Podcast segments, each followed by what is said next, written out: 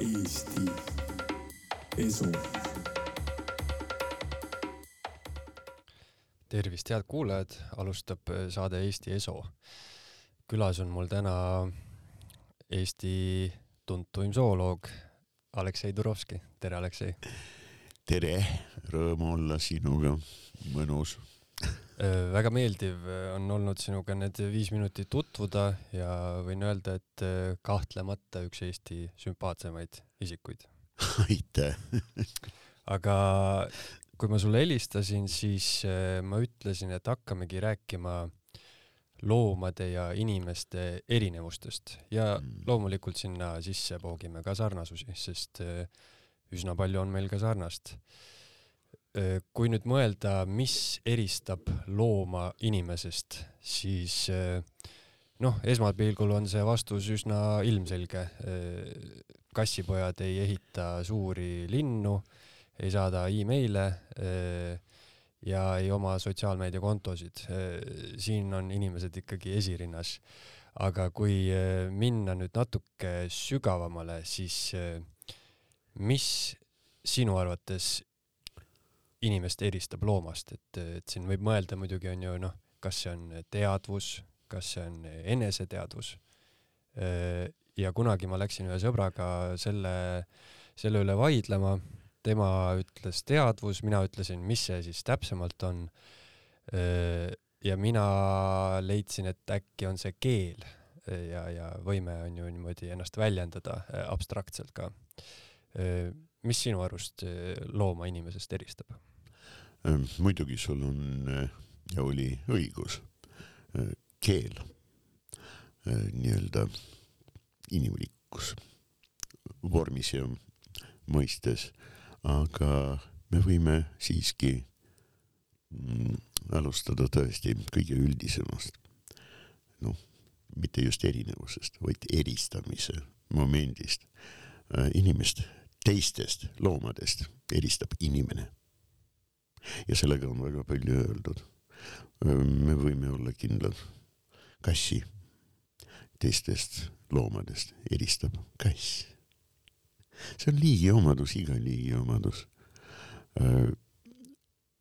no puht semiootiliselt, eks ole, oma liigi, liigi, kelle hulka kuulub antud isend, märgid on erilises nii-öelda aspektis võib-olla kõige tähtsamad, no vähemalt mit, mitte võib-olla kogu aeg, aga vähemalt läbi elu, ütleme nii.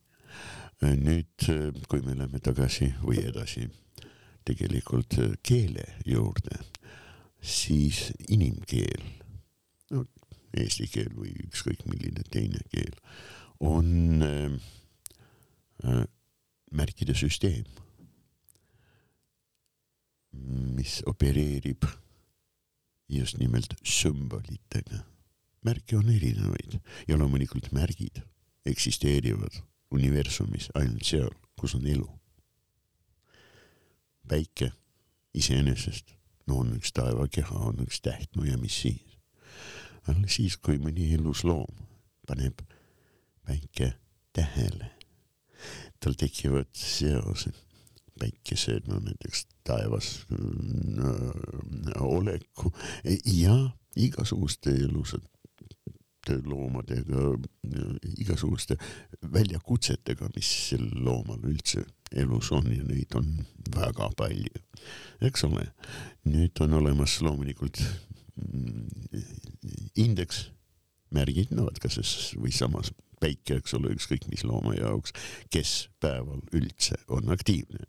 Öiste loomade jaoks päike kui märk ei eksisteeri. Või me võime niiviisi võtta ja see kindlasti adekvaatne öine loom, kui ta peab olema ärkvel päeval, siis päike on tema jaoks märgiks, et hoia madalat profiili.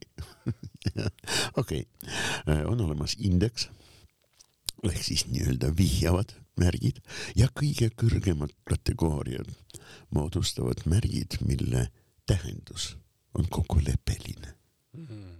sõnad see ongi keel. no lihtne, jah, see on in- inimese keel, inimese kui noh, mul on tõtt-öelda väga hea meel, et meie liigi tegelikult alamliigi praegu maa peal eksisteerib peaaegu kaheksa miljardi suuruse seltskonnana, eksisteerib üks ainus perekonna homo ähm, alamliik, liik ja alamliik, see on siis homo sapiens sapiens.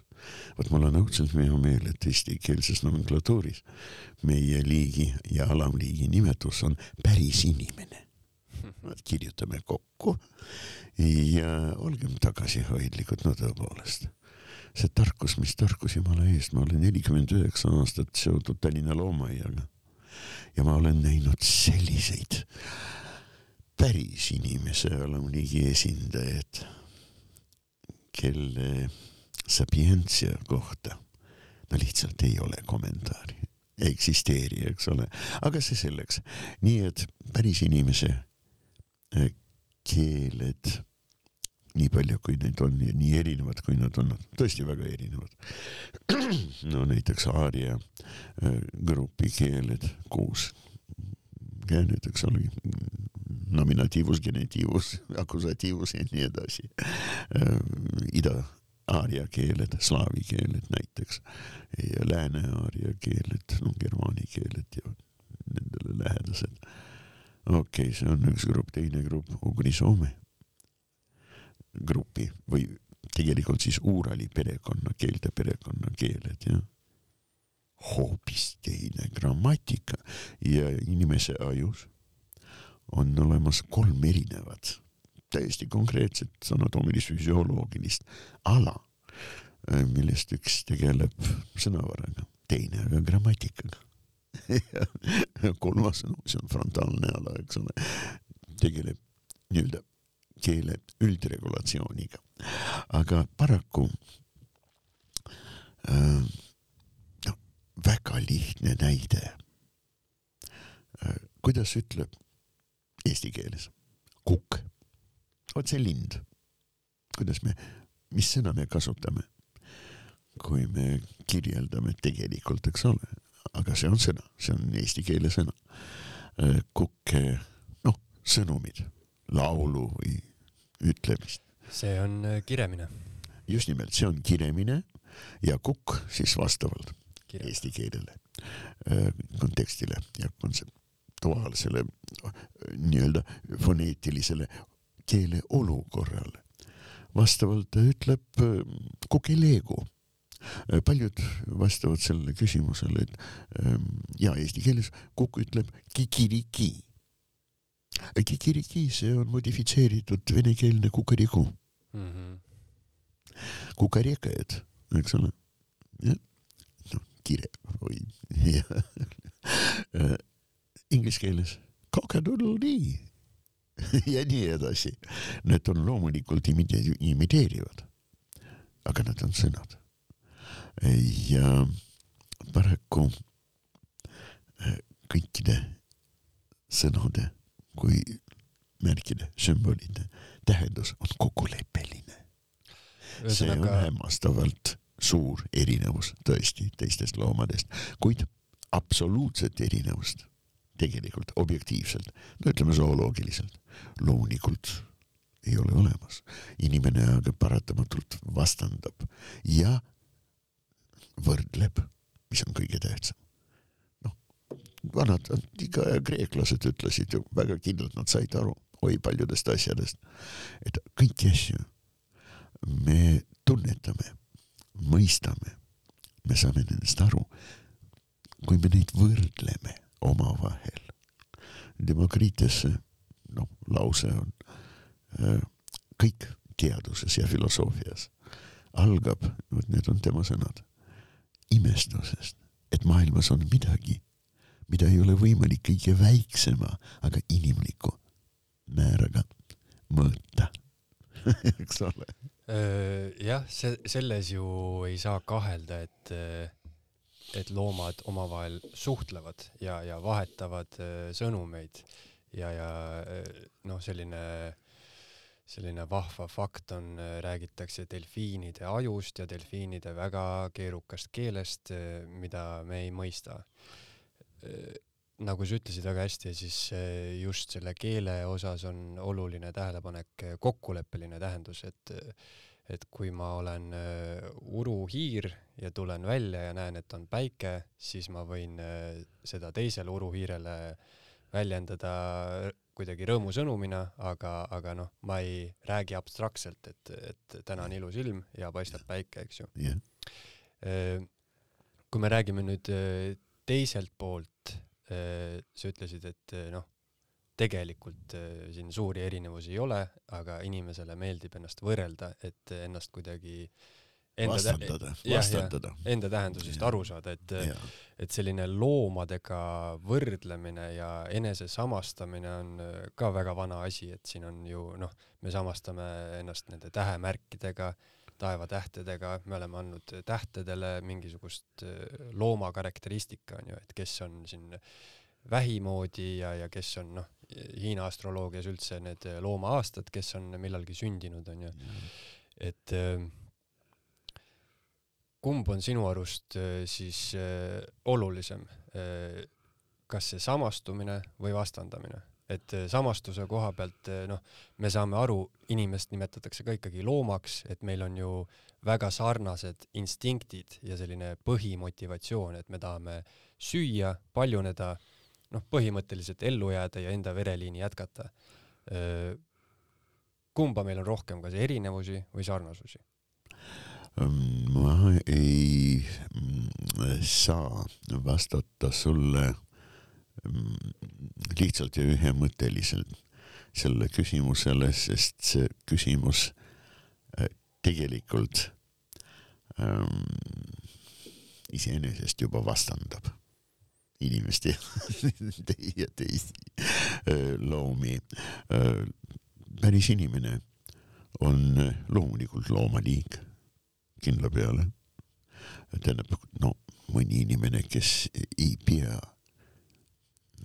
inimliiki, inimest loomaks, no okei okay,, pidagu ennast kasvõi puravikuks või näiteks sõnajalaks, ma ei hakka sellise inimesega vaidlema, ei ole mingit mõtet. Sest teatavasti inimene usub, mida tahab ja reeglina ta tahab uskuda seda, mida ta on harjunud uskuma sest äh, harjumuspärast asja uskuda on kõige odavam närvisüsteemil. sa ei pea pead murdma, eks ole. aga paraku inimene on siis äh, loomulikult püsisoojane selgroogne, meid on kahest klassist, linnud umbes kümme tuhat liiki ja siis muidugi imetajad, meid on umbes viis tuhat liiki ja esikloomeliste seltsi ehk primaatide seltsi liik. primaate tublisti üle kolmesaja viiekümne liiki, meid on väga palju. noh, kaks alamseltsi ja äh, pärisahviliste alamselts, kuhu kuulume ka meie, on väga suur, edukas kombinatsioon. käed ja ahvid on neljakäelised meie esivanemad olid ka kunagi, aga noh, praegu me jalgadega tegelikult suudame teha peaaegu kõiki neid operatsioone varustega, mida sõrmedega, kuid seda peab õppima. aga vot selles asi ongi. kui me nüüd võrdleme inimest kõikide teiste loomadega, nojah, me võime piirduda lihtsa väidega me oleme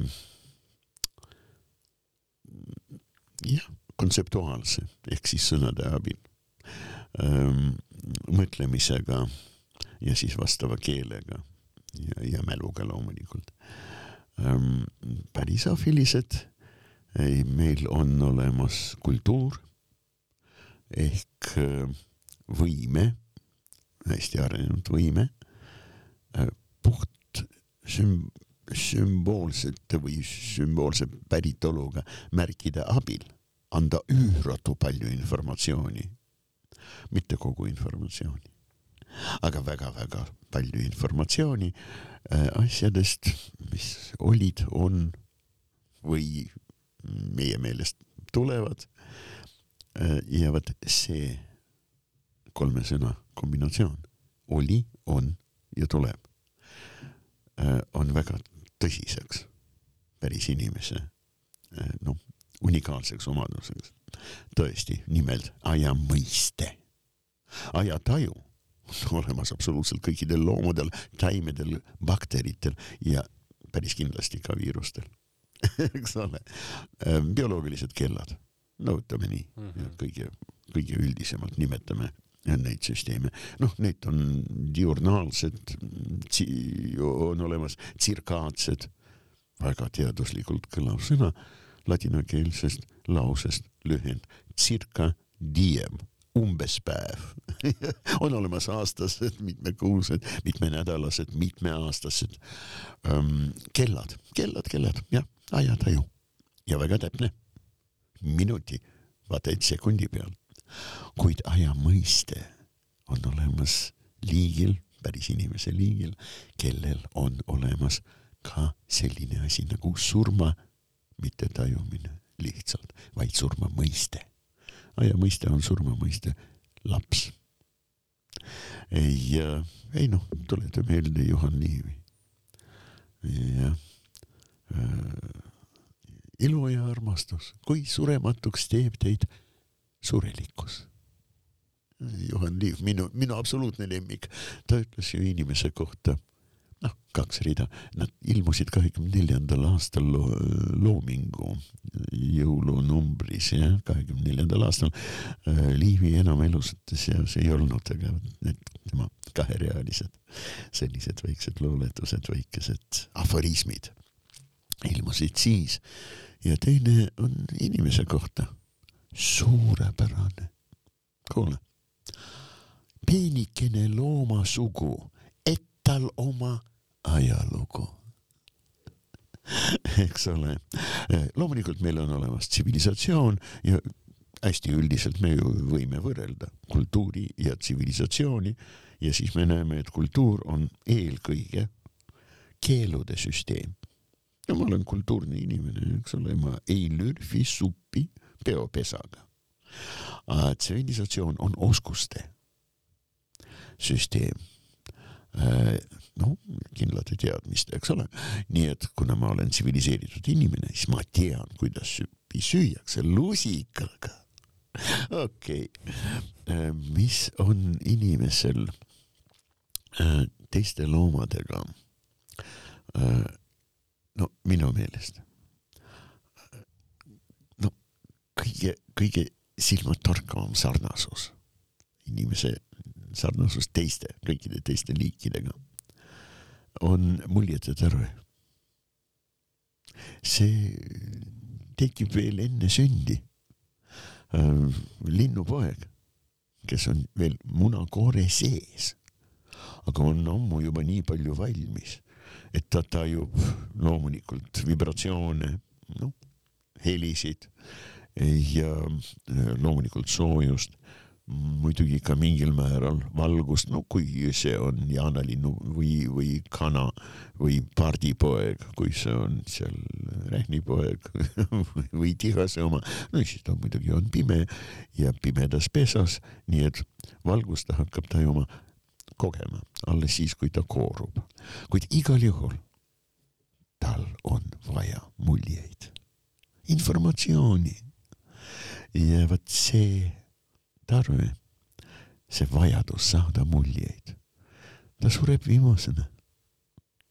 ta on veel kuidagimoodi alles, kui inimene on vaata, et juba no ma ei tea, agoonias või koomas. on, on. kuid loomulikult, nagu sa väga õigesti mainisid, meil on bioloogilisi vajadusi ja tarveid ja päris palju. ja loomulikult seoses sellega meil on väga palju väljakutseid elus, nagu igal loomal, mida meil, päris inimese loomadel, liigi, alamliigi loomadel on, mida kellelgi teisel ei ole. vaba aeg. bioloogilistest väljakutsetest ja muredest vaba aeg, tõepoolest vaba aeg. seda panite tähele jällegi antiikaja kreeklased. Oi, olid targad aga muidugi ka noh, läbi ajaloo.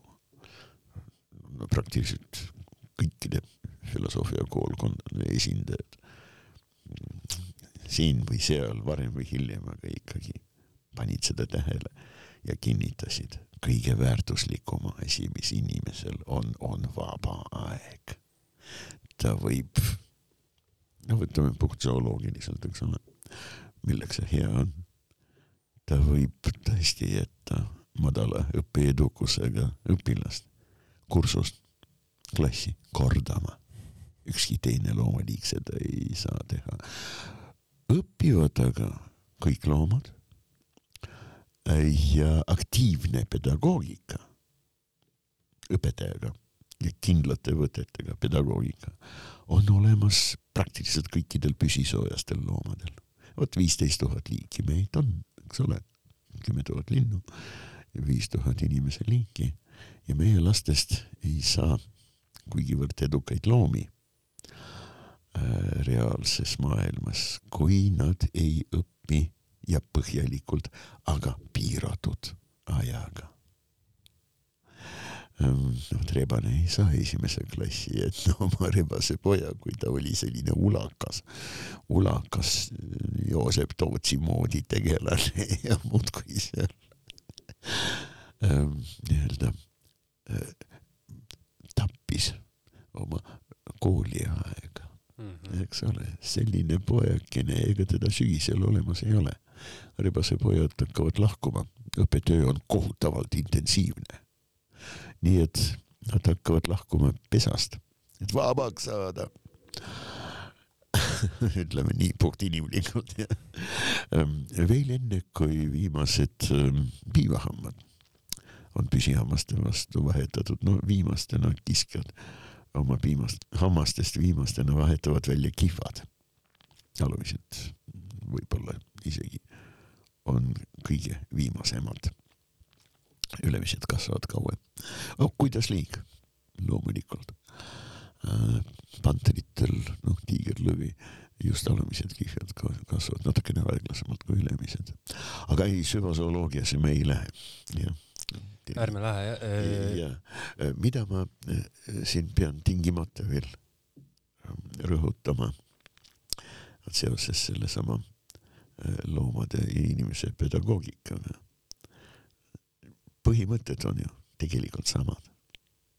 esimene asi, vermimine, imprinting, mis tagab äh, vot sellist edaspidist tähelepanu dünaamikat õpilasel, et mis ka ei muutuks keskkonnas.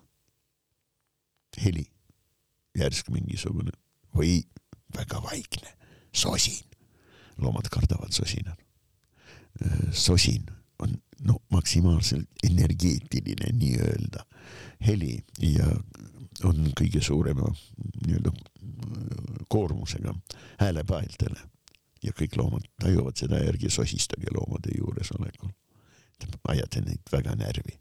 karjuda ka ei ole vaja, kuid karjumise peale on nii mõnigi loom, noh, võib lihtsalt öelda baam ja saada pahaseks. Äh, sosin hirmutab kõiki. jah, aga hirmunud loom on ohtlik loom.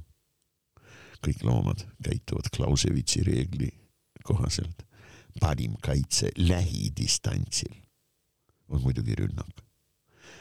parem kaitse kaugel distantsi, eks ole, vaenlase ja sinu vahelise distantsi puhul muidugi ära peita, ära minna kuid lähidistantsil, kas sa julged tõesti noh, keerata selg vaenlasele, kes on lähedal, muidugi mitte.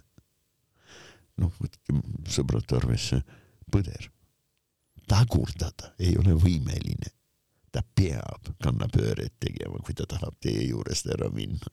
nii et tagurdada saate teie oma autoga maanteel. tagurdage mõnda aega. no vot ja siis tehke auto uks lahti. Ja öelge talle, isegi sosistada ei ole vaja, lihtsalt öelge talle, kus, kao ära. ja ta kohe julgeb. Teha kannapööret ja kaob. aga paraku vaat seesama vermimine tõesti kindlustab seda, et mis ka looduses ei muutuks keskkonnas, õpilase tähelepanu peab olema automaatselt kohe suunatud õpetajale. Ei vaata selle varesele või ma ei tea, tedrekukele, kes pauguga lendas kuskilt lumest välja ja nüüd on seal taevas, eks ole. ei vaata talle järele, vaatad õpetaja peale ja õpetaja näitab sulle oma kehakeelega või ütleb ka midagi mine tea, mida ta ütleb. ja kuidas sellesse suhtuda, see on esimene suur-suur põhimõte, ega see meil teistmoodi ka ei ole. tegelikult see on ülitähtis, jah, vot imprinting, kindel hoiak, vot see on minu õpetaja ja ma pöördun kohe tema poole. kui mul on küsimus. teine katse ja eksituse õppimise meetod, aga laiendatud vormis. suurimaki loodus on väga, väga usin õpetaja, aga natukene karmivõitu. Esimese tõsisema vea peale õpilane lüüakse maha. no vot see paistab mitte eriti produktiivne sellesama õpilase ja tema sugulaste seisukohalt meetod olema, kuid paraku see on kõige parem meetod. proovi, tee katse ja tagasiside tõesti häälestab sind väga õigesti, kuidas suhtuda vot sellesse no olukorda ja selle, sellesse, mida sa parajasti võtsid ette, eks ole. kuid sa pead ikkagi õpilast hoidma ja loomad teevad seda, toovad näiteks noh, õppevahendid, minu lemmikud kõrgemad kiskjad toovad parajalt töödeldud, aga elusad näiteks hiird et õpetada lastele, kuidas me püüame närilisi. Mitte mingil juhul ei tohi neid üritada võtta äh, suuga kinni. loomulikult sa tapad ta ära. sa oled hundikutsikas ja tema on hiir, aga ta võib jõuda hammustada sind huulde või keelde. ja kui ta on leptospiroosne, siis sul on eruvesi tõbi hundikutsikas. kümne tunni pärast lähed teise ilma eks ole. nii et oodata, millal tekib olukord, kus laps midagi üritab, mida ei tohi teha. ja sa saad siis teda keelata nii, et ta saaks aru, et vot niiviisi ei tohi ja keelamine, mitte mingil juhul mitte vits või rihm, vaid just nimelt keelamine kindlate märkidega keelamine on kolmas ülitähtis pedagoogiline põhimõte kõikidel loomadel ja loomulikult inimesel. Äh, nii et mida teeb õpetaja? reeglina see on ema. pärisafilistel ka isased on õpetajaks sobivad ja, ja, ja väga hästi sobivad sealjuures. Äh, kuid äh, isegi leemuritel seda praktiliselt ei ole ja pärisafilised. aga jah, õpetaja provotseerib väikest õpilast. Üritada midagi niisugust, ta loob olukorda, kus see pisikene noh, hakkab üritama, üritab teha midagi niisugust, mida antud olukorras teha ei ole mitte mingil juhul, vaat siis saab õpetaja ema teda keelata arusaadaval moel. muidu no ei ole nendel vabat aega rebase puhul pooleks juuliks, peab olema kõik selge lasta. siis juuli lõpul, augustis nad no, ammu juba läinud. kahjuks just nimelt need noored, noh, äsja koolist tulnud rebasepojad ongi see peamine roadkill sügise poole ja auto alla jäävad. aga jah, see on siis noh, mulle isiklikult ma olen seda kasutanud, väga meeldib šimpansi koolivõte, pedagoogiline võte, keelamine. pärani lahtine suu ja šimpansil suu on väga suur ja hambad väga suured. vot see pärani avatud suu õpetaja paneb õpilasele selle väiksele šimpansile selja või külje poolt, mitte eestpoolt. Muidu see pisike arvab, et see on mäng ja talle tehakse kalli-kalli musi-musi. mille millegipärast pärani lahtise suuga, aga jah, selja poolt kaela ja õla vahelisse nurka vot niiviisi pressid oma lõuad. see õpetaja, eks ole, talle vastu, sa ei hammusta sõna otseses mõttes, aga sa imiteerid hammustust ja nii, et tunda on. haiget sa ei tee. Aga see märk on täiesti selge ja loomakese saab aru väga hästi. härra Turovski krae vahele pissida ei tohi üldse. no ei tohi, siis ei tohi ega ta ei pane pahaks. õige keelamise võte, mis on aegsasti, mitte kümne minuti pärast, vaid kohe rakendatud ja on arusaadav loomale. Nii nagu ma praegu tegin antud olukorras, sellises olukorras teha ei tohi üldse mitte kunagi. selge. ja loomulikult šimpans on inimesele kõige lähedasem liik üldse, noh mõlemad Pantroglodides, suuršimpans ja bonobo ehk Pampaniskos. see teine võib-olla isegi lähedasem. kuidas võtta käitumise poolest ikkagi kõige lähedasem on just nimelt suuršimpans, ülikonkureeriv liik. Bonobo ei ole selline. noh, kui midagi paraku noh, järs, järsult leiab aset mingisugune, ma ei tea, heli või, või, või mis see ka ei oleks keskkonnas, kus Kongo jõe kallastel kuskil metsas elavad bonobood. terve grupp hakkab momentaalselt seksima. no, no, no, no imikutest vanuriteni, isased, emased, otsekohe kõik hakkavad seksima ja sedasi nad alandavad kohe pinged. ja kõik on väga rahulik ja tore. lapsi sellest ei tule kui emane bonobo tunneb, et tal on noh, evolu-, ovulatsioon, ovulatsiooniprotsess jõudnud juba nii kaugele, et on olemas retseptiivne munarakk, no siis tema kindlalt loobub vot sellest massilisest sõbralikust ja seksis ei ole orgia, see on lihtsalt selline noh, maandamise viis äh,. valib loomulikult kõikidel loomadel, lahksoolistel loomadel lõpliku seksuaalse partneri valikut teeb emane. valib siis vastavalt isast loomulikult ja noh, see isane võib olla nii glamuurne, et kõikidel emastel lihtsalt ei tule pähe kedagi teist valida. see on teine asi, see on teine lugu. kuid äh, jah, paraku vot see suur šimpans, ülikonkureeriv liig, tõesti inimesele vist kõige lähedasem, nii et väike keelata saanud äh, šimpansist õpilane, kes sai aru, et härra Turovski krae vahele midagi niisugust halba panna ei tohi. ta otsekohe läheb teise oma inimese juurde, härra Sergei või proua Imbi juurde ja üritab temaga seda teha. tal piisab kahest korrast, kaks erinevat temaga kontaktis. Enam-vähem sagedasti jah, olevat inimest, talle keelasid seda laadi trikke. rohkem tal vaja ei ole, ta tegi järelduse oma inimestele, sellist trikki ei tee, siis ta võib jääda kannatlikult ootama, millal tuleb. No näiteks osakonna juhataja või direktori asetäitja, ta käib harva. tema peal ka tasub proovida, kuid vaata, mis on ülitähtis loomade pedagoogikas ka inimese, looma pedagoogikas, kahtlemata. õigesti keelatud õpilane, kes sai aru, jah, et vot nii nagu ta praegu üritas teha, hakkas tegema, et niiviisi mitte kunagi teha ei tohi. tema, vot selle keelata saanud õpilase õppimismotivatsioon on üüratu maksimaalne.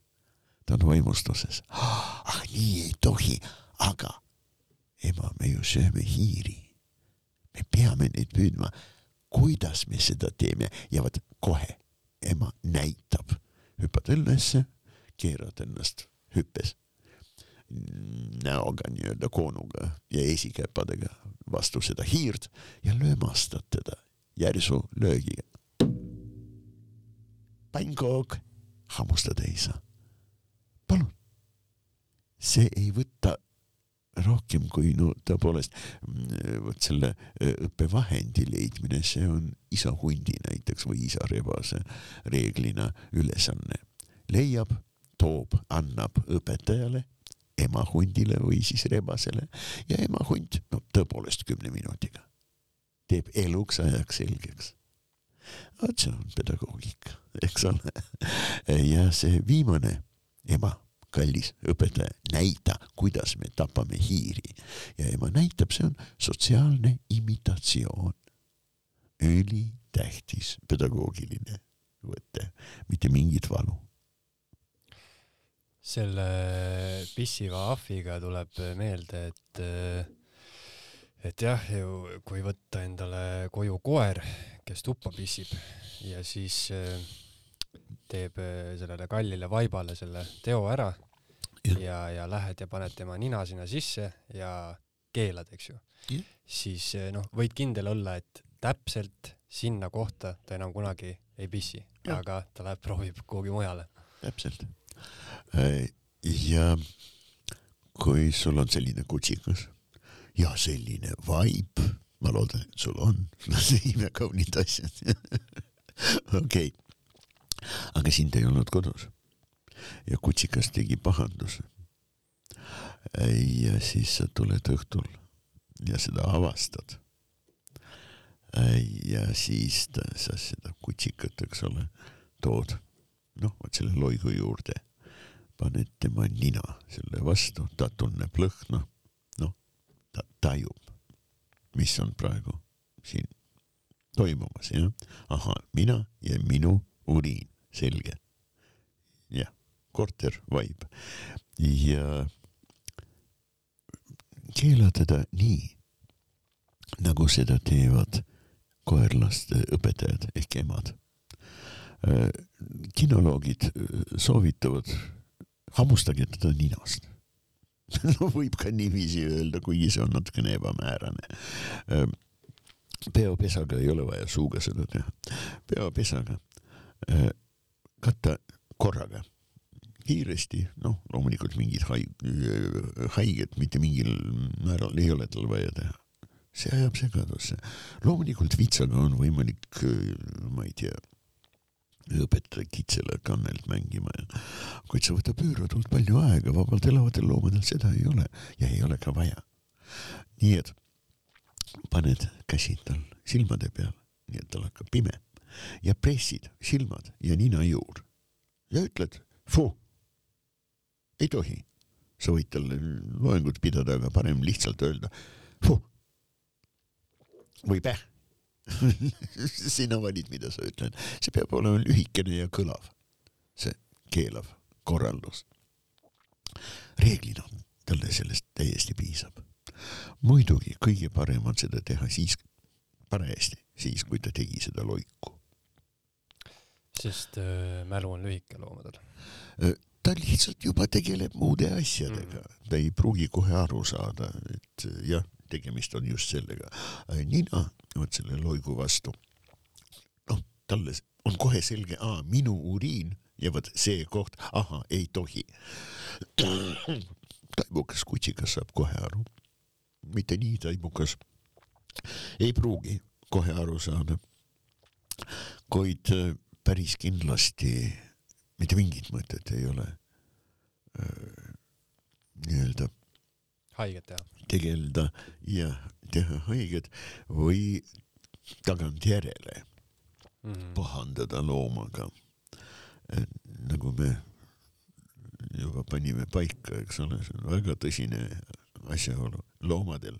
aia mõistet ei ole, sa ei saa kutsuda korrale looma või teda karistada selle eest, mida ta tegi kaks päeva tagasi. tegelikult isegi mida ta tegi kümme minutit tagasi. kui sa ei saa talle absoluutselt selgeks, koeralikult selgeks teha, millest jutt, eks ole. Äh, nii et äh, puhtinimlik penitentsiaarne süsteem, karistuste süsteem, eks ole, jurisprudentsis seadusandluses on rajatud kättemaksu põhimõttele mm. -hmm. loomadega see ei ole võimalik ja kallid, kallid sõbrad, palun ärge süüdistage kasse kättemaksu himulisusest, nendel ei ole seda. kui te olete kuri oma kassi vastu, kui kass ei saa aru, miks te noh, kuidagi negatiivselt temasse suhtute. või kui tuleb näiteks täiesti võõras inimene külla ja kass ja seda juhtub sagedasti, läheb esikusse ja pissib jalatsit peale või lausa sisse. ja siis inimene on veendunud, ta maksab kätte. sõbrad, ta tuletab meelde. mina elan ka siin. palun ära tee seda, ära ole minuga kuri, ära tee mulle haiget.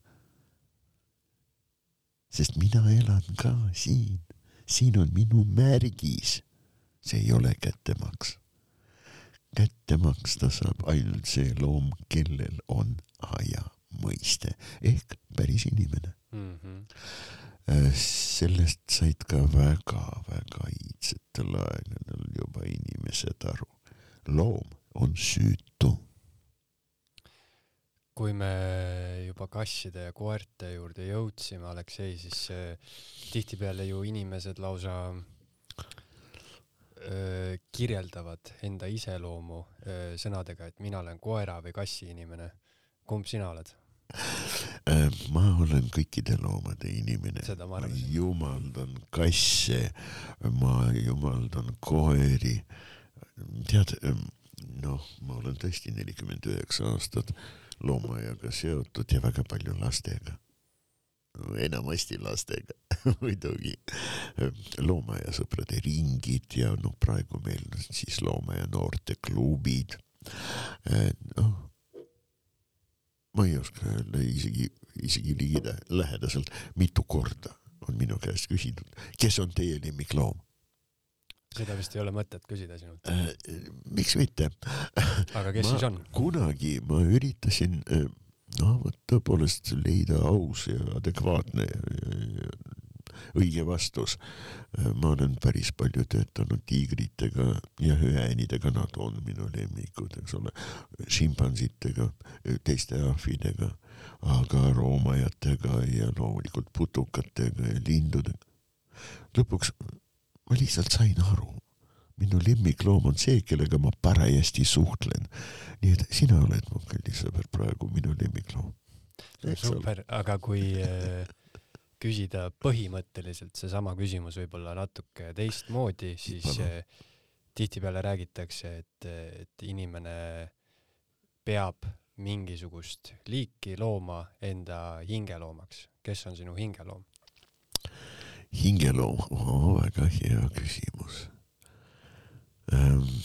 karta on nüüd ikka inimene, kes on pär, päris kindlasti loom, muidugi loom. Selge see, aga eriline, kuid ärme unusta, sõbrad, iga loomaliik on eriline. Ähm,. inimene, noh, võrdleme, eks ole, inimest kõige lähedasema liigiga, šimpansiga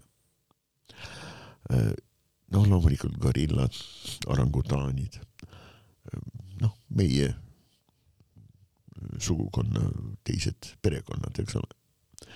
Äh, see on siis kahe liigiga šimpans, pann, siis on pongo ehk siis orangutaan, kolm liiki, kolmas liik Borneo saarel hiljuti kirjeldati jah, ja kaks liiki gorilla. Äh, perekonnast, noh, ranniku ja mägigorilla, jah. kusjuures orangutan, noh, malaisia bataavi keeles tähendab metsainimene ja gorilla tähendab täpselt sedasama föönikia keeles. Need olid antiikmaailma esimesed suured meresõitjad avastasid Lääne-Aafrikas ja seal rannikugorillad ka ja. meenutas inimest. no ta väga meenutab inimest muidugi, kuid kõige lähedasem, kui me võtame palju erinevaid noh, kõikvõimalikud erinevad kriteeriumid nii-öelda sarnasuse määramiseks, eks ole ähm,.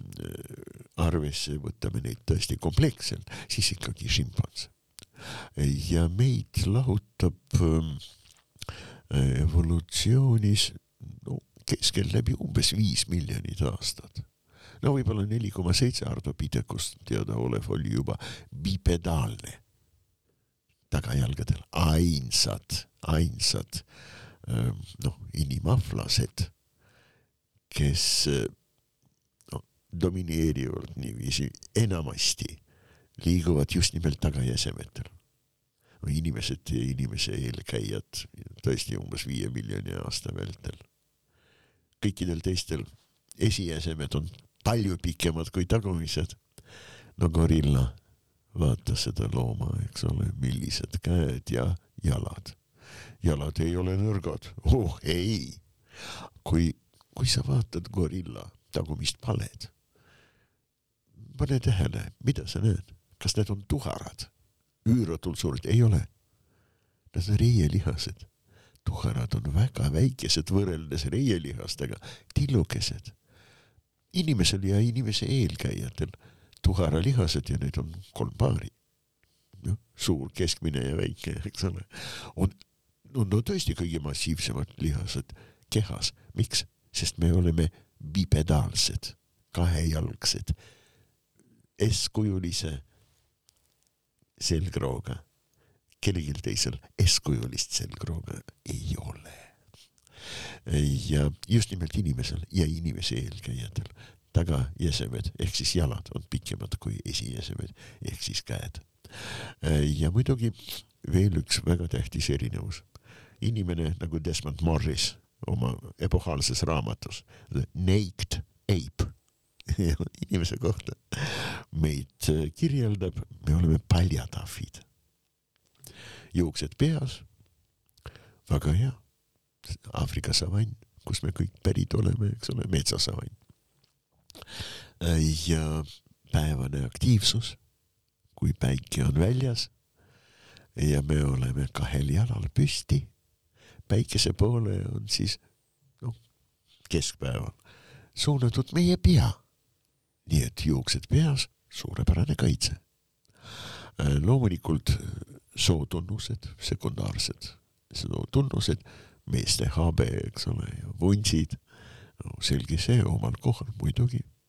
temased saaksid kiiresti ja adekvaatselt oma valikut teha, jah.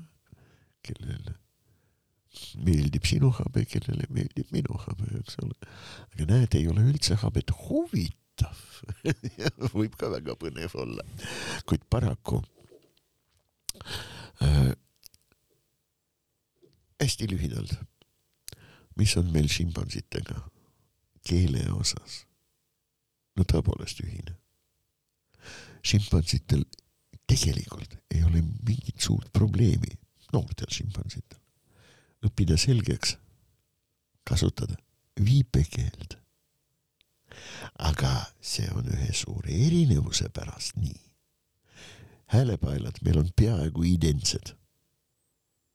No siirdovi ümber.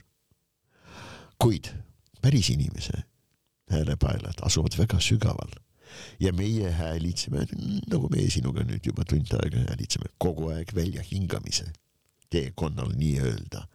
ja suu on ideaalses kohas selleks, et moduleerida heli, mis sünnib päris sügaval ja on kõlakojas, laringsis, eks ole, seal kaela sees, võimendatud.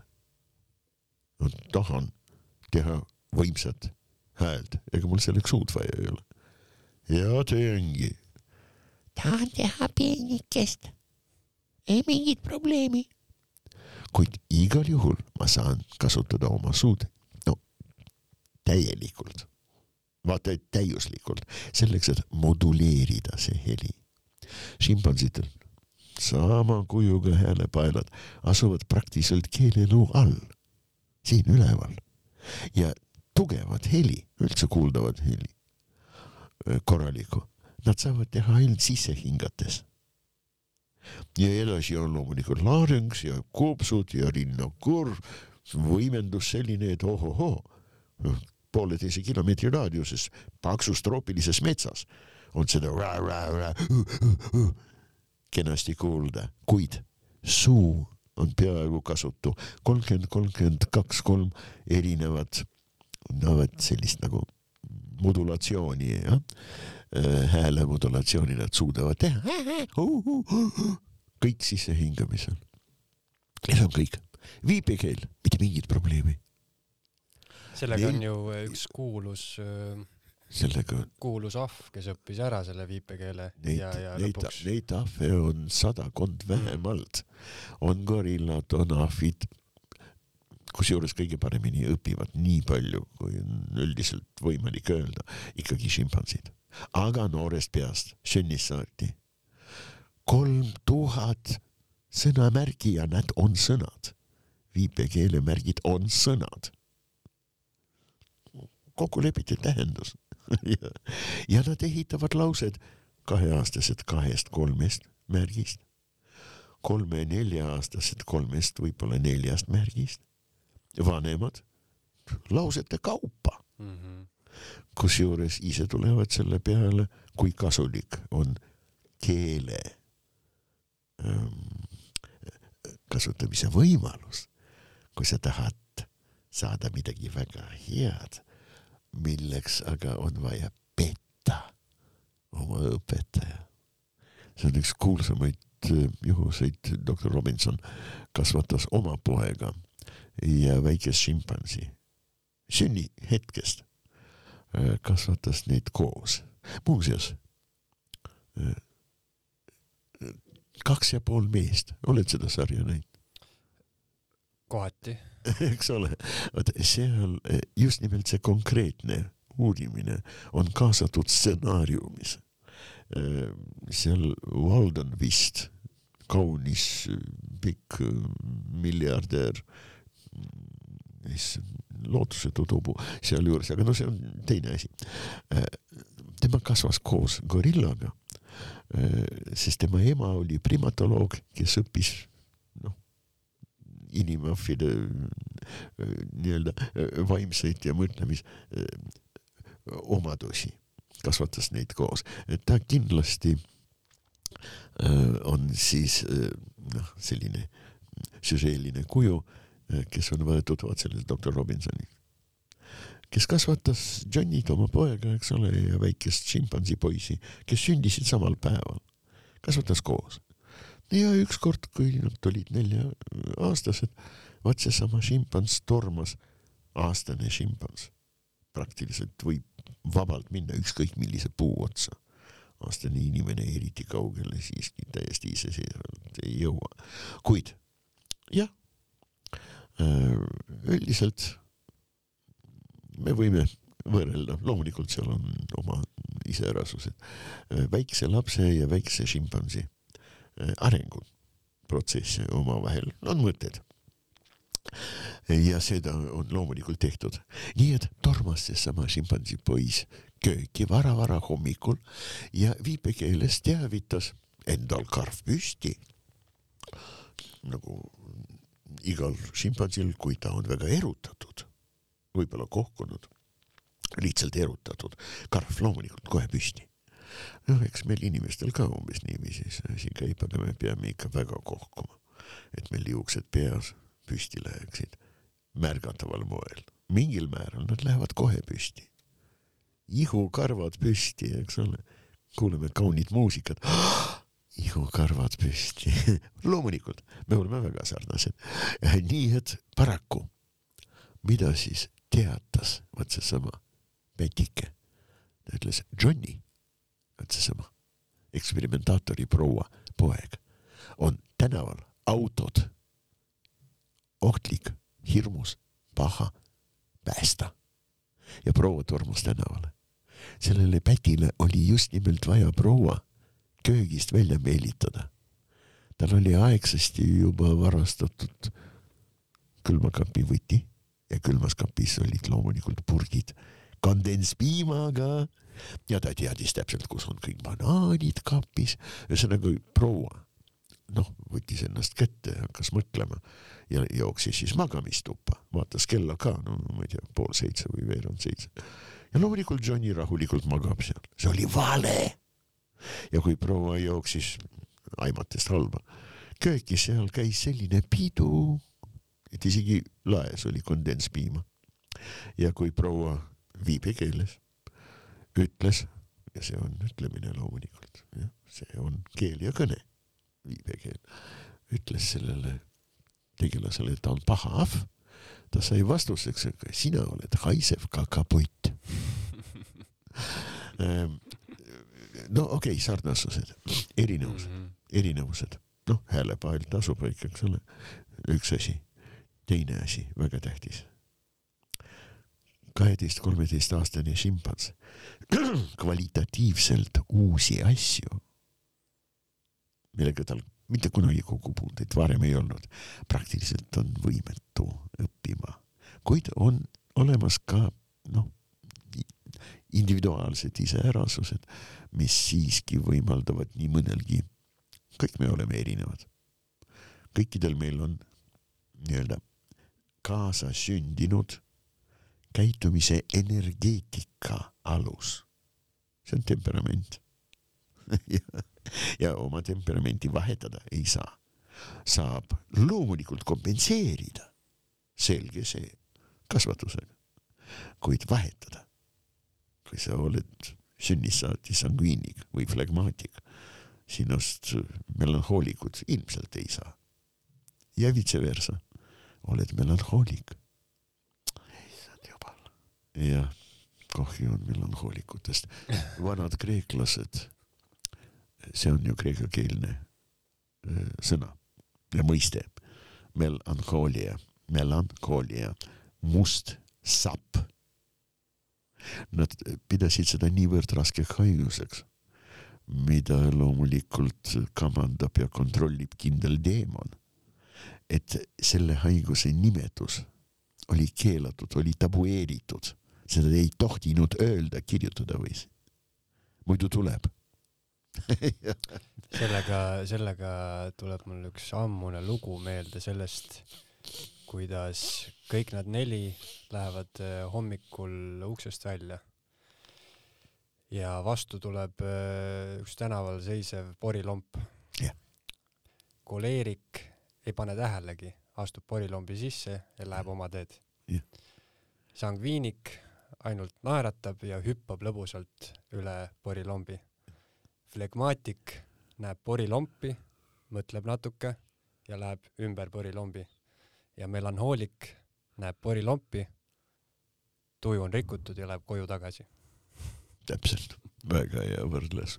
noh ähm,, natukene redutseeritud äh, vormis äh, jah, et sellise melanhooliku ja sangviiniku äh, võrdles, seda võib nimetada teisiti, optimisti ja pessimisti, jah võrdlus, ähm, see on venekeelne selline noh, naljakas jutt, no see ei ole anekdoot, aga midagi selle taolist.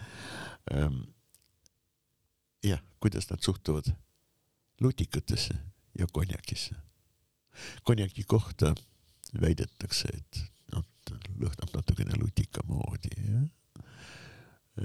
ja head konjakit nuusutades. Pessimist ütleb, haiseb lutika järele.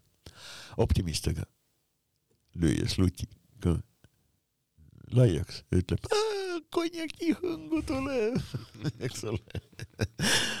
okei, aga kui me siiski nende sarnasuste ja erinevuste juurde inimese ja šimpansi vahel tuleme, äh, me juba mainisime seda, et inimesel on S-kujuline, S-tähekujuline selgroog, mis toetub öö, suurele vaagnale nii, et väike vaagen, mis on eespool, eks ole, on suure vaagnaga suhteliselt noh, järsu nurga all. nüüd ristloo suure vaagna tagant suunatud ikka allapoole vahetult ja vot see vahe väikse vaagna ja ristloo vahel, vot see vahe, selle suurus on määrava tähtsusega küsimuses kuidas sa sünnitad. šimpansidel seda probleemi ei ole, et see vahe oleks kitsas, tal on see lai. tal on lameda C-tähe kujuline selgroog, mingit S-tähe laadsust ei ole. see toetub suurele vagnale loomulikult, mis väga sujuvalt, sirgelt läheb väikseks vaagnaks. ja ristluu on suunatud no muidugi alla ja tahapoole. vahe on suur. ma olen kaks korda, mul oli au äh, olla tunnistaja šimpansi, emas ja šimpansi esmasünd-, sünnituse juures. iga kord loom parajasti istus kuskil, ükskord kiige peal, teine kord ta istus noh, maha saetud ja noh, lihtsalt ronimiseks nendele šimpansitele pandud suure puu oksa peal. ja iga kord see loomake hakkas natuke ihelema, lasi käsi alla istudes, sai lapse kätte. Nii kergelt see käib. ja siis mõlemal korral oli täiesti selge, loom ei tea, kuidas sellesse suhtuda. mis asi see on?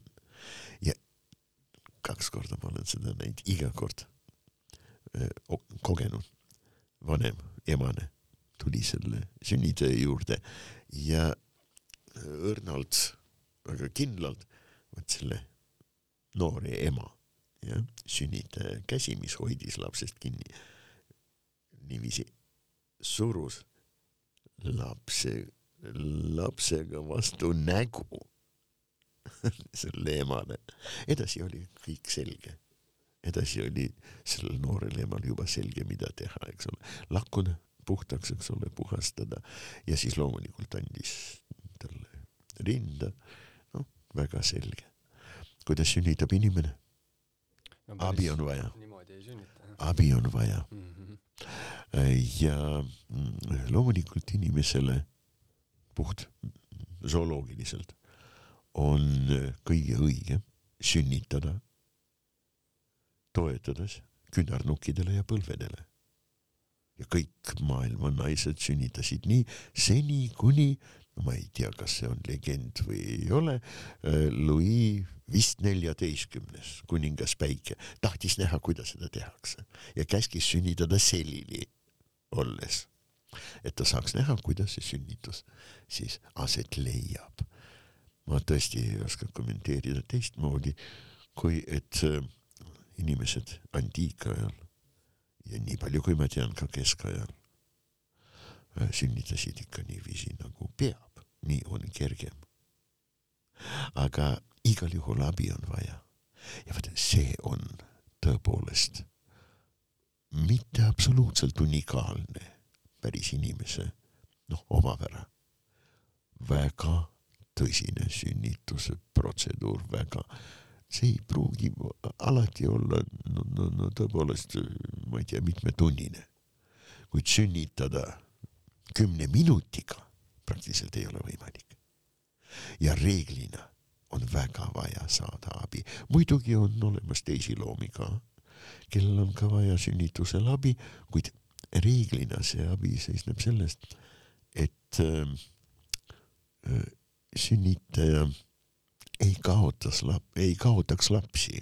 no näiteks küünisahvlased.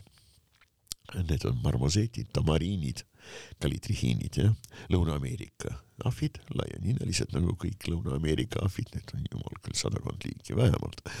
kaputsiinahvlased ja seal on ämmalahvid ja seal möirahvid ja seal on ka vot selline väike sugukond omaette, no mitte väga väike, eks neid on kuskil kokku vaata et viiskümmend võib-olla.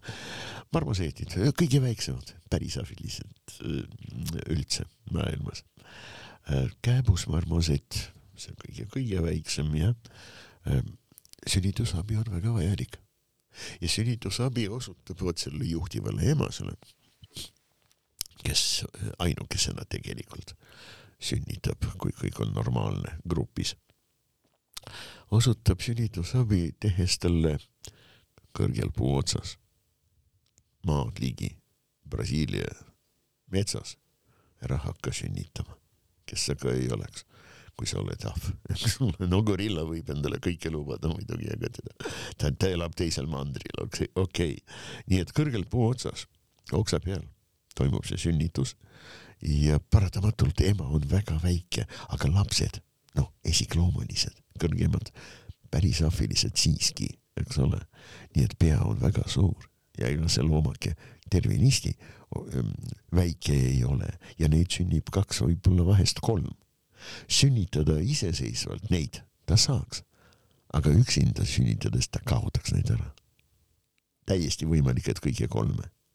nii et tuleb suur sünnitusabi, nii-öelda akušöörlike teaduste superprofessor, tähtis isene, väga kogenud, teeb selja peale punktmassaaži. Aga enne seda toob kohale mõned isased loomad, täiskasvanud ja paneb neid sünnitaja allaoksa peale. nii et kui punktmassaaž on selja peale emale tehtud, lootevesi lõhnastab, lõhnastab need vastuvõtjad, tulevased lapsehoidjad, lõhnastab neid vastsündinute jaoks täiesti, täiesti tuttava lõhnaga. Selles vedelikus nad veetsid üldkokkuvõttes viis ja pool kuud ja no ja kui see kõik on tehtud, siis selja poolt kätega teeb survemassaaži kõhule see isa, aega ei ole kaotada, see ei võta palju aega. ja ei ole kuigivõrd noh, ma ei tea, suurte valudega seotud, päris kindlasti mitte. kuid lapsi võib kaotada, kui ei ole abi. Ja need lapsed loomulikult jäävad paariks-kolmeks nädalaks, võib-olla isegi pikemaks ajaks, vaat nende samade lastehoidjate, venda, Mhm. vanemate vendade või onude õlgadele tegelikult või külje peale, jah. aga vaata, see on absoluutselt lõputu teema see on, on, on. viimasena tahaks võib-olla küsida sellist asja, millele sa oled kindlasti väga palju elus mõelnud. noh, teatavasti on meil siin liikidega on kehvasti, neid sureb välja Jah. ja nii edasi Jah. ja inimene paneb liigid loomaaeda. kas see on sinu arust moraalselt, eetiliselt õige hoida ütleme siis väljasurevaid liike loomaaias? aga muidugi, loomulikult. Kaasaegne loomaaed on põgenikelaager. see on üks no vähestest no asutuse tüüpidest ja töösuundadest, mis tõesti aitab liike päästa sõna otseses mõttes. noh, väga lihtne näide.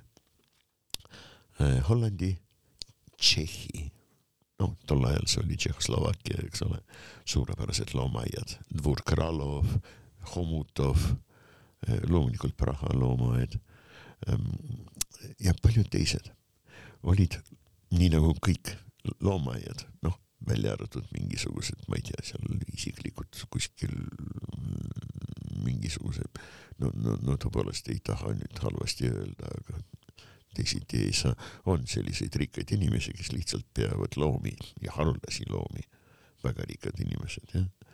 lihtsalt oma sõprade enda meelelahutuseks, kogu lugu, selliseid on ja mitte vähe. aga see on loomulikult kriminaalne tegevus. kuid päris loomaaiad äh, päästsid kaks sebrade alamliiki, tegelikult kahest liigist ja noh, sebrad on kolmest liigist ja üheksa alamliiki on kokku. ja noh, sebraliigid, kõrbe, mägi ja savann savannisebra ja okei okay., nad päästsid mitmest liigist antiloope. nüüd Tallinna loomaaed oma viiskümmend aastat. me jätkame loomulikult selle projektiga, aga noh, peamine töö on tehtud. Miilu hirv. Teda avastati siis, kui looduses neid ei olnud juba paarsada aastat. avastati Hiina keisri suvilapargis. jah, see on siis Davidi, isa Davidi hirv jah, Miilu. meil oli loomaaias noh, tavaliselt sügiseks kui lugesime neid kokku, järgmine hinnaaeg, siis sügisel muidugi ja loeme siis kokku, palju neid lapsi on sündinud ja on terved kas on, meil oli vahest üheksakümmend ka. nüüd Hiinas, kus see loom pärit on. Ja Hiina Mandžuurias sealjuures, noh, see on tõesti Mandžuuria äh, provintsi loom. Äh, zoogeograafilise provintsi ja seal on loodud ähm, sellised reservaadid, pargid. Ja nad looduses praegu juba seal elavad, saavad hakkama, noh, mõni läheb tiigrile lauale, aga see on täiesti normaalne. see, et suur kiskja kütib loomi, see ei vähenda populatsiooni äh, arvukust kuigivõrd märgatavalt, kui kiskjad on õiged, jah, antud Mhm. ökosüsteemi jaoks ähm,. pigem vastupidi, suur kiskja kaob. no näiteks omal ajal hävitati Turani tiigrid Nõukogude Liidu partei ja valitsuse käsul. Viiekümne kolmandast aastast Turani tiiger ja need isased olid neljasaja kilosed ka. vot seal Kaspia, taga-Kaspia aladel. Nad siis kadusid. ja Buhara hirv, Hangul, kõigepealt hakkas paljunema, siis hakkas põdema. siis tulid hundid ja tiigreid ei olnud.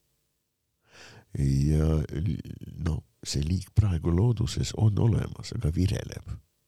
meil nad paljunevad suurepäraselt. loomaaed on möödapääsmatu. ja kallid sõbrad, ärge pange pahaks, kui te külastate loomaaeda, kaasaegset loomaaeda ja looma ei näe. ju see loom ei taha olla nähtav ja ta on õigesti välja ehitatud ja peetavas loomaaias, ta on kodus. ja mina käisin äkki kuu aega tagasi loomaaias ja nägin ainult lõvikäppa sest äh, siis oli palav päev ja, ja, ja ta oli vilus loomulikult, selge. palava päevaga äh, eritivad kuskil üheteistkümne paiku, eks ole. tule vaatama jääkarusid mm. -hmm. Nad on arktilised loomad, aga nad on ikkagi karud. suukonnas on kaheksa liiki, kaasa arvatud jääkaru. ja kõik nad tahavad, et oleks soe ja palju magusat ära magusat paku, eks ole mm. -hmm. ja, ja jääkaru ei, kui ta ei pea jooksma, siis muidugi on lood halvad. ta ei karda väga palavat päeva ka mitte. Ja asi ei ole isegi sellest, et tal on vesi siinsamas, mis on alati talle mõnus muidugi ja huvipakkuv. ei, ta lihtsalt lamades oma kasukaga peegeldab peaaegu sada protsenti päikse soojust päikese poole tagasi. Kasukas on sellise ehitusega, iga karva sees on vaht ehk tuhanded mikromullid. Vot sellepärast muidugi tema kasukas ongi üldse valge. aga loomaaed, jumala eest, meil lihtsalt ei ole pääsu. lihtsalt ja ma küsin seda sellepärast, et, et tihtipeale noh, sellised äh, aktivistid võib-olla, kes jah, ei ole erialaselt ka kõige arukamad, jah, nad ei käivad looma loomaaias ja, ja näevad äh, siis äh, ma ei tea, seal närviliselt hüppavat kitse ja siis jah, kuulutavad seda, et see on loomade piinamine, Jah. see on nende vangis hoidmine. me alustasime sellest. eks ole, inimene kõike võrdleb endaga ja interpreteerib inimlikult. esimene asi, mida inimese loovus võtab ette, otsib seletusi. inimene on loov loom. mida päris inimene loomana, inimesena kõigepealt loob seletusi, müüte teised loomad sellega üldiselt ei tegele, loomulikult nad interpreteerivad, muidugi nad otsivad ja panevad tähele ja jätavad meelde seosed ja suhted, selge see. kuid inimene muidugi kõigepealt loob lugu ja kasutades puhtinimlikku, inimlikku arusaama, no näiteks ülilevinud müüt Ilvese kohta on, et tema valitseb puu otsas ja kui saagloom on puu all, siis ta hüppab talle selga ja ma ei tea, rebib surnuks või pooleks või ja nii edasi. see on täielik umbluu. ilvesel on nõrk õlavöönd, väga tugevad jäsemed ja selg, õlavöönd aga nõrgavõitu ja tal on väga pikad jalad ja tühine, kaalu poolest täiesti tühine, väga väike saba. sellise anatoomiaga loomal raskuskeskus on väga kõrgel, see aga tähendab, et kui ta hüppab ülevalt alla, ta peab jalad harki laskma, esijalgadele, esikäpadele maanduvad, kõik ülevalt alla hüppavad. noh, kaslased, koerlased? Ja kõik kitsed ka. oi, nad on hüppajad ja nii et kui ta hüppab pooleteise meetri kõrgusel näiteks, isegi siis ta peab poolteist, võib-olla kaks sekundit, peaaegu kaks sekundit.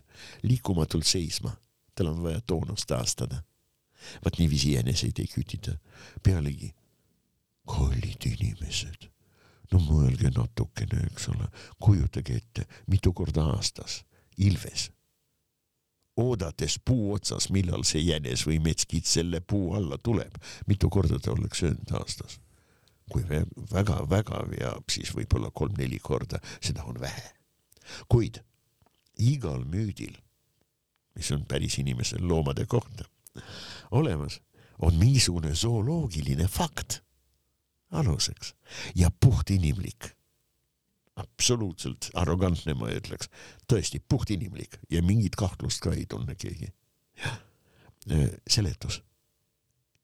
ta ei püüa, inimene ei püüa ennast panna selle looma kohale kuigivõrd põhjalikult, mis on ilvesel nagu imetajatel enamasti juhtivaks meeleks, haistmine, nägemine, tal on hiilgav nägemine, aga ta näeb liikuvaid asju hiilgavalt liikumatuid asju, jah, siis kui nad millegipärast noh, köitsid tema tähelepanu ja kuulmine absoluutne, vot õl-, nõrk õlavöönd, kehaehitus. no pane ennast, tee ennast, kujuta ennast selleks loomaks. sa pead jõudma peaaegu noh, poole meetri kõrgusele, vot maa kohal või mingisuguse substraadi kohale, et siis sa saaksid seal hüpata ette ja kohe edasi minna või üldse midagi tegema hakata. okei okay.. mida teeb see loom, kui ta on puu otsas ja seal üleval puu otsas metsa kohal, ta näeb ja kuulab viie kilomeetri raadiuses ideaalselt ja kõik lõhnad maailma haisude internetis on absoluutselt selged. paks mets hajutab lõhnu ja helisid. kui sa oled metsa kohal puu otsas ja ilves läheb puu otsa nagu ma ei tea, säde ku, kuivast, kuivast oksast ähm, alla ronib, ronib, ronib, ronib vaevaliselt ja kuid seal üleval ta tunneb ennast turvaliselt ta mitte kunagi ei ründa ülevalt alla, rääkimata juba sellest, et oma algatusel ta mitte kunagi ei ründa inimest üldse. ta on suur kiskja, kuid inimene ei sobi talle saagiks. nii et ta on seal puu otsas ja inimene tuleb selle puu alla, no vihma tiputab, jääb sinna seisma. ilvesel on aga vaja maa peale, mida ta teeb? ronib, ronib, ronib ja kasutab inimest redelina. Hüppab kõigepealt õlgadele. no siis inimene reeglina teeb uh,, läheb natukene madalamaks. Ja siis ilvesel no ei ole nii, nii, nii raske. Enam-vähem kohe.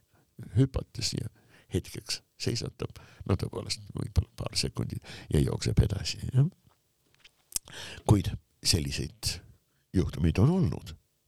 Ja loomulikult ja tuleb veel ilmselt, see ei ole mitte kunagi rünnak aga inimene seda kogedes otsekohe annab puhtinimliku interpretatsiooni, seletuse. ja vot nii me elame ja muidugi noh,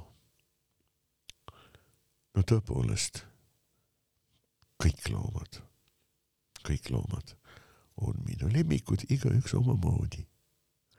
ja muuseas, vaata mu kallis sõber ja kõik, kõik teised kallid, kallid inimesed küsige loomade kohta ja ärge muretsege, sellepärast et võib-olla teie küsimus noh, ei kõla kõige targemalt. lootusetut küsimust kindla loomaliigi kohta esitada tegelikult ei ole võimalik. väga lihtsal põhjusel, mitte huvitavaid loomi ei ole olemas. jah, neid huvitavaid loomi leidub ka kindlasti veel ookeani sügavustes, ma mõtlesin, et eh, noh, palju meil liike kaob ja, ja sureb välja, aga huvitav, kui palju on veel neid, keda, kellest me ei teagi mitte midagi. et ma olen noh, neid pilte olen muidugi näinud internetis, missugused kollid seal, seal noh, kilomeetrite sügavusel ookeanist välja tulevad. Vaata, praegu käib kuues, aga suur kuues suur väljasuremine. no väga suur väljasuremine oli umbes kuuskümmend viis, kuuskümmend kuus miljonit aastat tagasi. see oli siis Kreeta ajastu perioodi lõpp ja siis keskmise mesosoikumine, no dinosauruste, no kaugeltki mitte ainult dinosauruste. kolm perioodi oli mesosoikumis, trias dinosaurused tekkisid, hakkas võimsalt arenema. noh, nende vahetud eelkäijad Permi, Permi ajastu lõpul, kus kah leidis aset väga suur väljasuremine. Perm lõppes, algas sauruste ajastu, eks ole, trias, trias periood. Permi lõpul oli tohutu suur, palju suurem väljasuremine kui see, mis nii-öelda lõpetas dinosauruste äh, ajastud jah, ja Triases tekkisid imetajad. linnud ainult juura järgmises keskmises perioodis. me oleme üüratult ürgne klass aga paraku väljasuremine äh, mis on silmas peetud, mida peetakse silmas, kui me räägime väljasuremisest? periood meie planeedi, elusa planeedi nii-öelda ajaloos, mille vältel liike sureb välja rohkem, kui sama ajaga tekib juurde. see on väljasuremine. ja liike tekib pidevalt, kuid inimese no, no, no, no absoluutselt kolossaalse mõju, pressingu rõhumise nii-öelda tingimustes tekib eelkõige inimkindlaid liike. no näiteks rotid aga muidugi bakterid ja, ja, ja igasugused invasiivsed taimed ja, ja, ja muidugi putukad ja väga paljud putukad. väga kiiresti, no arenevad sedasi, et vaata, et ei saagi ennast normaalselt toituda, kui natukene putukamürki ei saa juurde eks ole. Ehm, sa mainisid ookeani abüssaali ehk siis ehm, sügavust. Ehm, loomulikult erinevate hinnangute kohaselt meil on seal avastada veel vähemalt üheksakümmend protsenti liikidest, kellest me lihtsalt mitte midagi ei tea ja see on täiesti võimalik üle. üle seitsmekümne protsenti meie planeedi territooriumi on ookeani all ja ookeani keskmine sügavus on üle kahe ja poole kilomeetri eks ole. Ehm, jah, tegelikult ookeani me tunneme palju-palju vähem kui kosmost. noh, lähikosmost, aga meie ajal lähikosmos, see on palju suurem ala kui ainult meie galaktika ehk siis linnutee oi, no näed, see on absoluutselt äh, lõputu jutt. pead ära minema, äh, üks, üks jah. Äh, viimane küsimus inimkindlad liigid, kas ja. see on müüt, et krokodill on üks inimkindlamaid, et ta on püsinud muutumatuna sada miljonit aastat?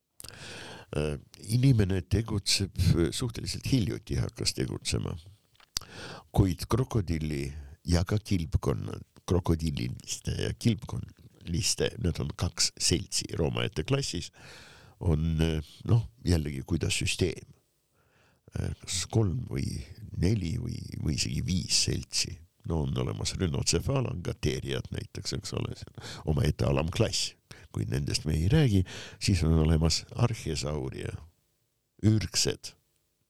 no saurus on kreeka keeles sisalik, ladina keeles on lacerta ja astekite keeles on iguana. Okei okay,, aga see selleks. nii et paraku äh, on olemas ürgroomajad, krokodillilised ja veel ürgsem ilmselt kilpkonnalised. kümneid miljoneid aastaid enne dinosauruste, no esimeste, eks ole, nii-öelda ja vahetute esivanemliikide eh, tekkimist olid juba päris krokodillid ja päris kilpkonnad, üliürgsed. kõige nooremad on skvamata, soomuselised.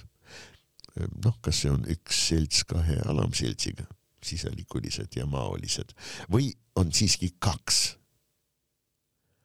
äh, seltsi ja üks ülemselts, aga soomuselised nad on, nad ajavad nahka korraga.